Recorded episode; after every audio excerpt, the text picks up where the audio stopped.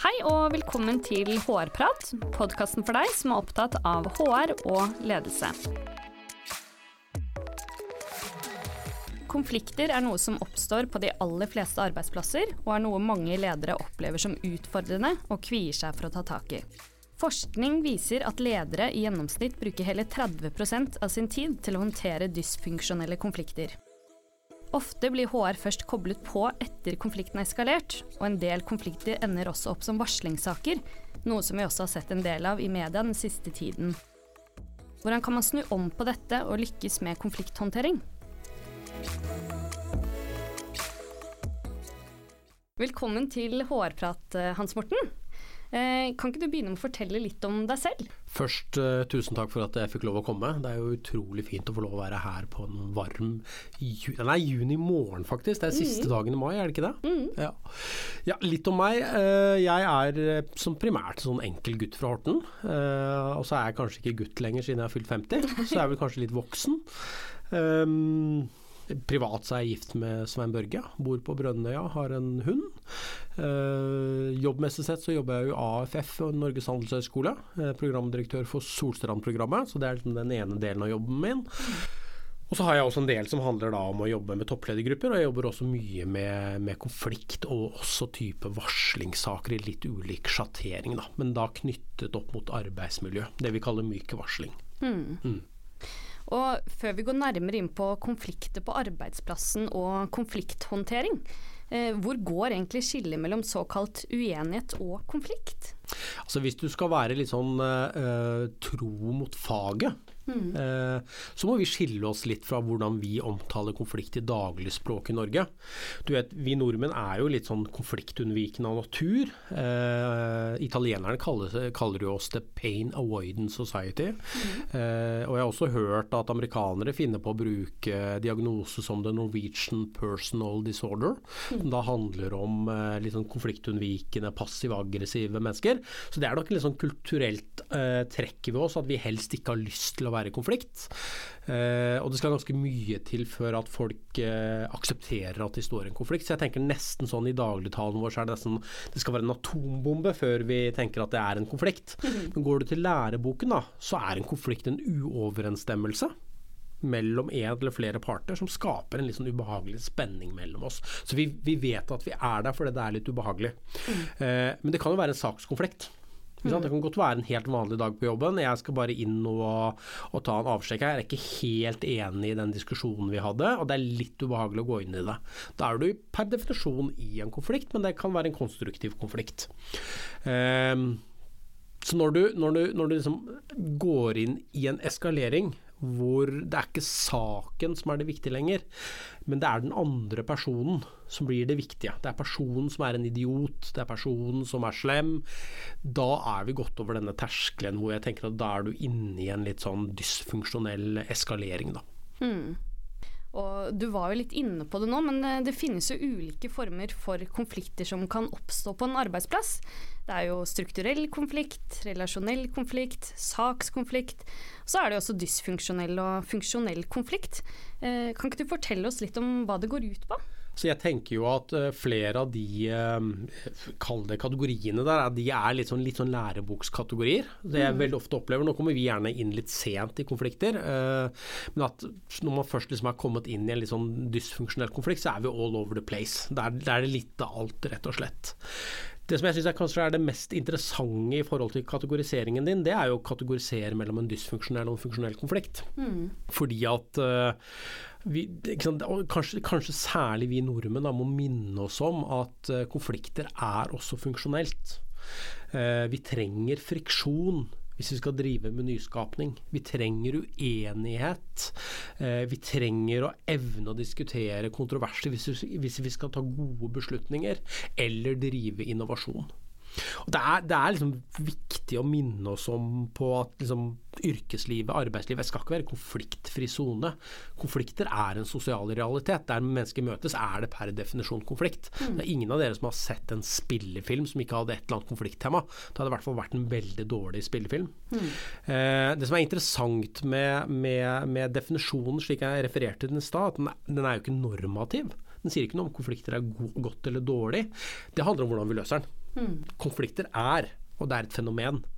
Eh, og så er det alltid sånn at konflikter er sosialt innrammet. Så jeg tenker at det er kanskje litt annerledes med konflikter i Visma.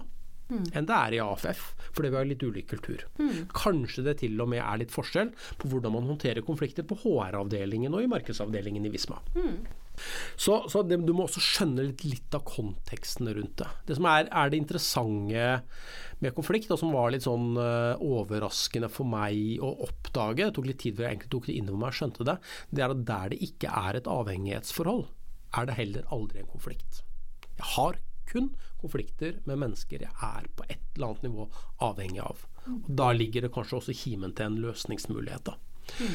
Um, det, det, det, minner meg om en, en gammel historie hvor, hvor, Dette var en varslingssak da, hvor, hvor, administrerende direktør måtte gå fra, fra jobben. Mm. Eh, og På sett og vis hadde de tillitsvalgte gått av med seieren eh, etter en lang lang kamp, og dette var i media. Eh, og Da er det jo sånn at eh, at dette var jo en, en medieomtalt uh, sak, uh, fikk stort fokus. Uh, og så er det sånn at SAS ordner litt opp. For da hadde administrerende direktør sluttet i jobben. Tillitsvalgte skulle fly mellom Oslo og Stavanger. Eh, på den samme flygningen kommer tidligere administrerende direktør. Det er seks måneder siden de så hverandre, og SAS har ordnet skikkelig opp, og de får lov til å sitte ved siden av hverandre. Og det er litt pinlig stillhet til å begynne med. Eh, og så snur den tillitsvalgte seg til administrerende og sier du, det er ganske mange som tror at eh, jeg hater deg, men jeg gjør ikke det, altså. Eh, det var tøft, eh, men vi har hatt mange fine stunder sammen. Og så hadde de en helt ok samtale på vei over eh, fra Oslo til Stavanger, fordi at avhengighetsforholdet var helt borte. Mm. Administrerende direktør har fått ny jobb, jobber et annet sted. Så jeg syns dette med avhengighetsforhold synes jeg er en av de tingene som virkelig fascinerer meg. Mm. Mm. Men hva er det som skjer med oss mennesker når vi, når vi er i konflikt? Ja, hvis vi nå la, la, oss holde fast i dette skillet mellom funksjonell og dysfunksjonell konflikt. Eh, og så eh, vet vi jo f.eks. sånn som forfatteren Lencione vil jo si at en ledergruppe uten konflikt er per definisjon dysfunksjonell. Mm. Spørsmålet blir igjen hva skjer med oss, og hvordan håndterer vi det som skjer.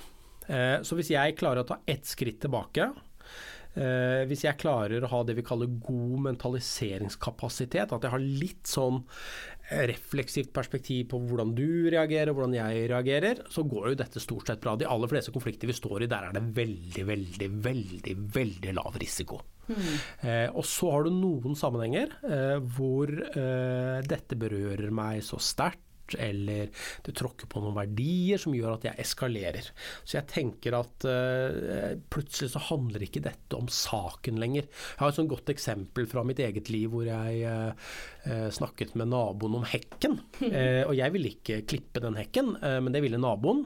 og på et eller annet tidspunkt så klippet naboen hekken uten å snakke med meg. Mm. Og fra den dagen så handla ikke dette om hekken lenger.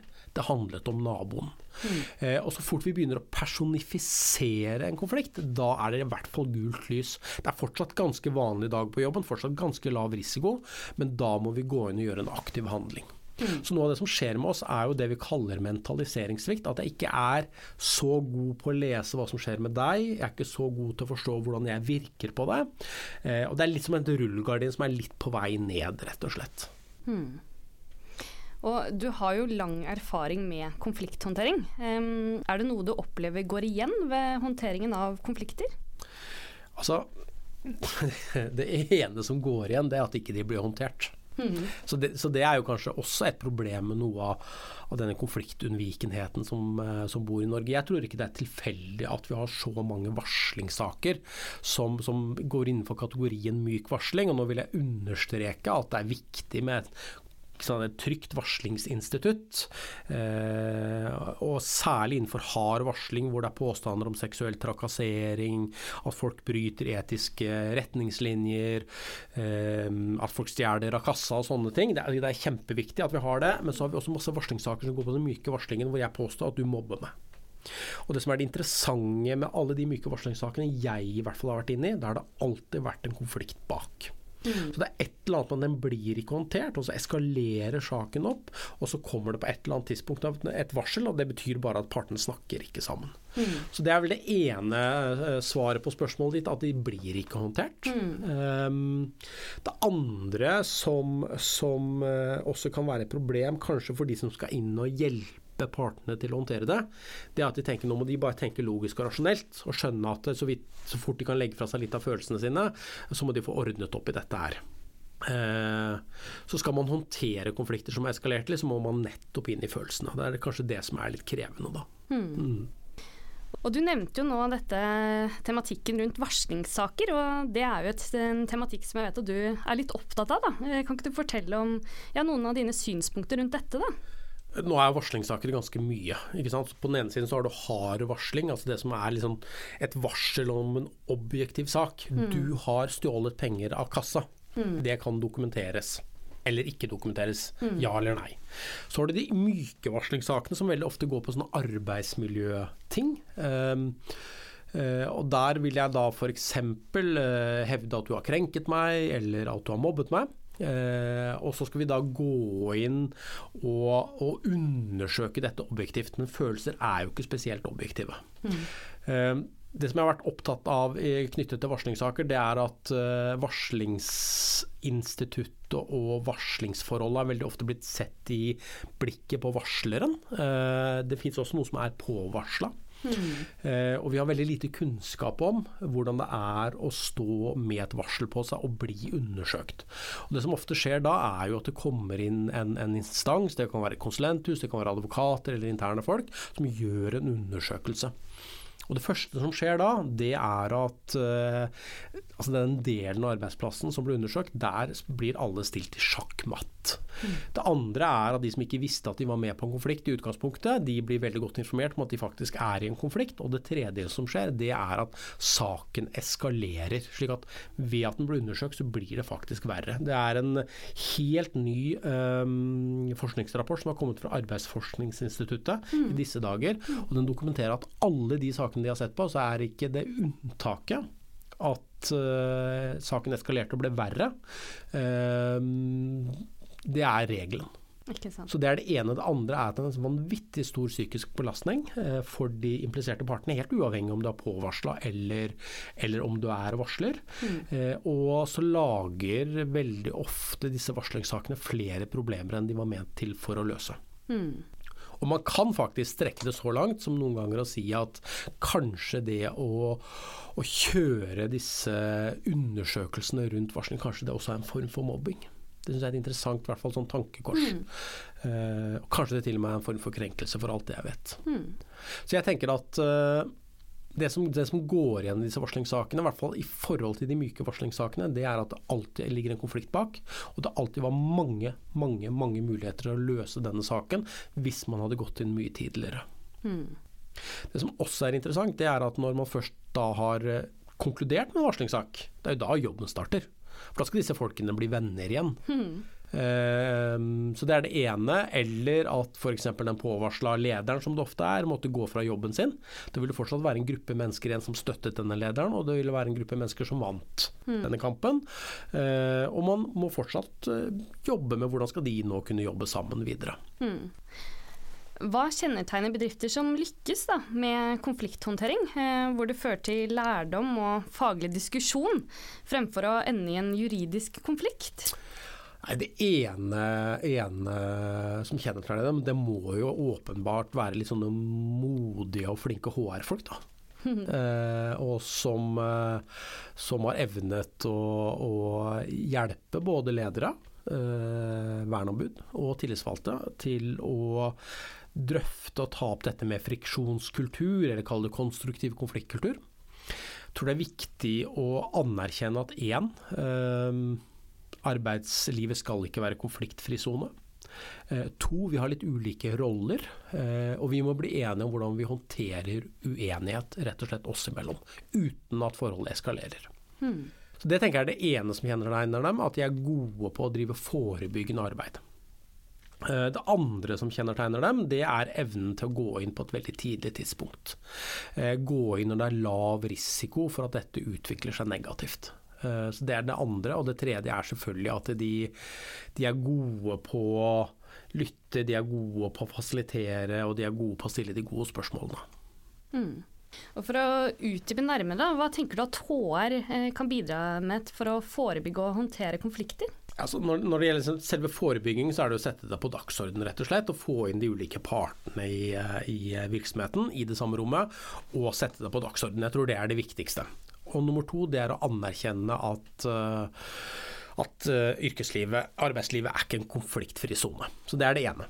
Uh, det andre, hvis du er i konflikt og du skal bidra inn, og her vil du være avhengig av risikonivået og hvor lenge saken er eskalert, det er jo å være den gode samtalepartneren. Um, og da må du jo ta noen du, du, må jo ta noen risikoer, da. Skal jeg putte disse menneskene inn i et rom med en gang og prate med dem, eller skal jeg snakke med den ene først og den andre etterpå, for å finne ut litt hvordan landskapet er? Her er det, her er det ikke noe Her er svaret det kommer litt an på. Så her må du prøve deg litt fram. Um, men når du først har de inne i samme rom, så er jo det viktigste momentet å få deeskalert denne saken ned, slik at den negative konfliktdynamikken blir litt mildere, slik at folk kan møte hverandre i øyenhøyde. Uh, og der har jeg en, jeg har en historie uh, fra en kollega av meg. Uh, han, han, er psykolog, og da hadde fabrikksjefen gitt opp. Så han hadde jo to da, kollegaer som hadde vært i konflikt med hverandre. De hadde rota litt med hverandres damer, og det var store greier. og så til slutt hadde fabrikksjefen gitt opp, og han hadde kalt inn psykologen. Og psykologen hadde hatt tre møter med disse uten at det har skjedd noen ting. Og da sier, Jeg vet ikke helt om dette er tilfeldig eller om det er veldig godt planlagt, men psykologen sier da til disse to gutta, som da slåss eh, og ikke klarer å være på samme skift, så sier han til de eh, nå er det sånn at jeg skal tilbake til sjefen deres i dag. Eh, og da har jeg funnet ut at nå har vi forsøkt, og dette går jo ikke. Så en av dere må slutte. Men jeg vet jo ikke hvem av dere som skal slutte. Så kan ikke dere bare bli enige om det nå, dere imellom. Og akkurat akkurat når de får det spørsmålet, så snur hele konfliktdynamikken. Ikke sant? Guttene kikker på hverandre, mm. og så sier de 'vi slutter'. Det er jo ikke vårt problem, det er jo sjefen som er problemet her. Ikke sant? Eh, og hele poenget her er at, at sant, han fant et modent punkt sammen med de. Mm. Eh, hvor de hadde mer å vinne på å løse konflikten enn de hadde vunnet på å fortsette konflikten. De innså det. Hmm. Og Det er dette modne punktet som alle konflikter som er litt eh, eskalert, trenger for å deeskaleres. Altså jeg innser hmm. at nå har jeg mer å vinne på å deeskalere og løse forholdet enn jeg har å fortsette å kjempe. Hmm. Så det å finne noen sånne gullkorn eller eh, hjelp til å, å, å, dytte folk inn i det modne punktet, det, det er et godt råd. Jeg sier hmm. ikke at det er enkelt, men det er et godt råd. Hmm. Mm. Absolutt, og tusen takk for gode råd, Hans Morten, og for at du kom hit til Hårprat. Du, det var veldig hyggelig. Og til dere som hører på, vi prates. Hvis du har temaer eller spørsmål du ønsker vi skal diskutere, send oss gjerne en mail på hårpratatvisma.com. Og for flere episoder, sjekk ut visma.no slash podkast slash hårprat.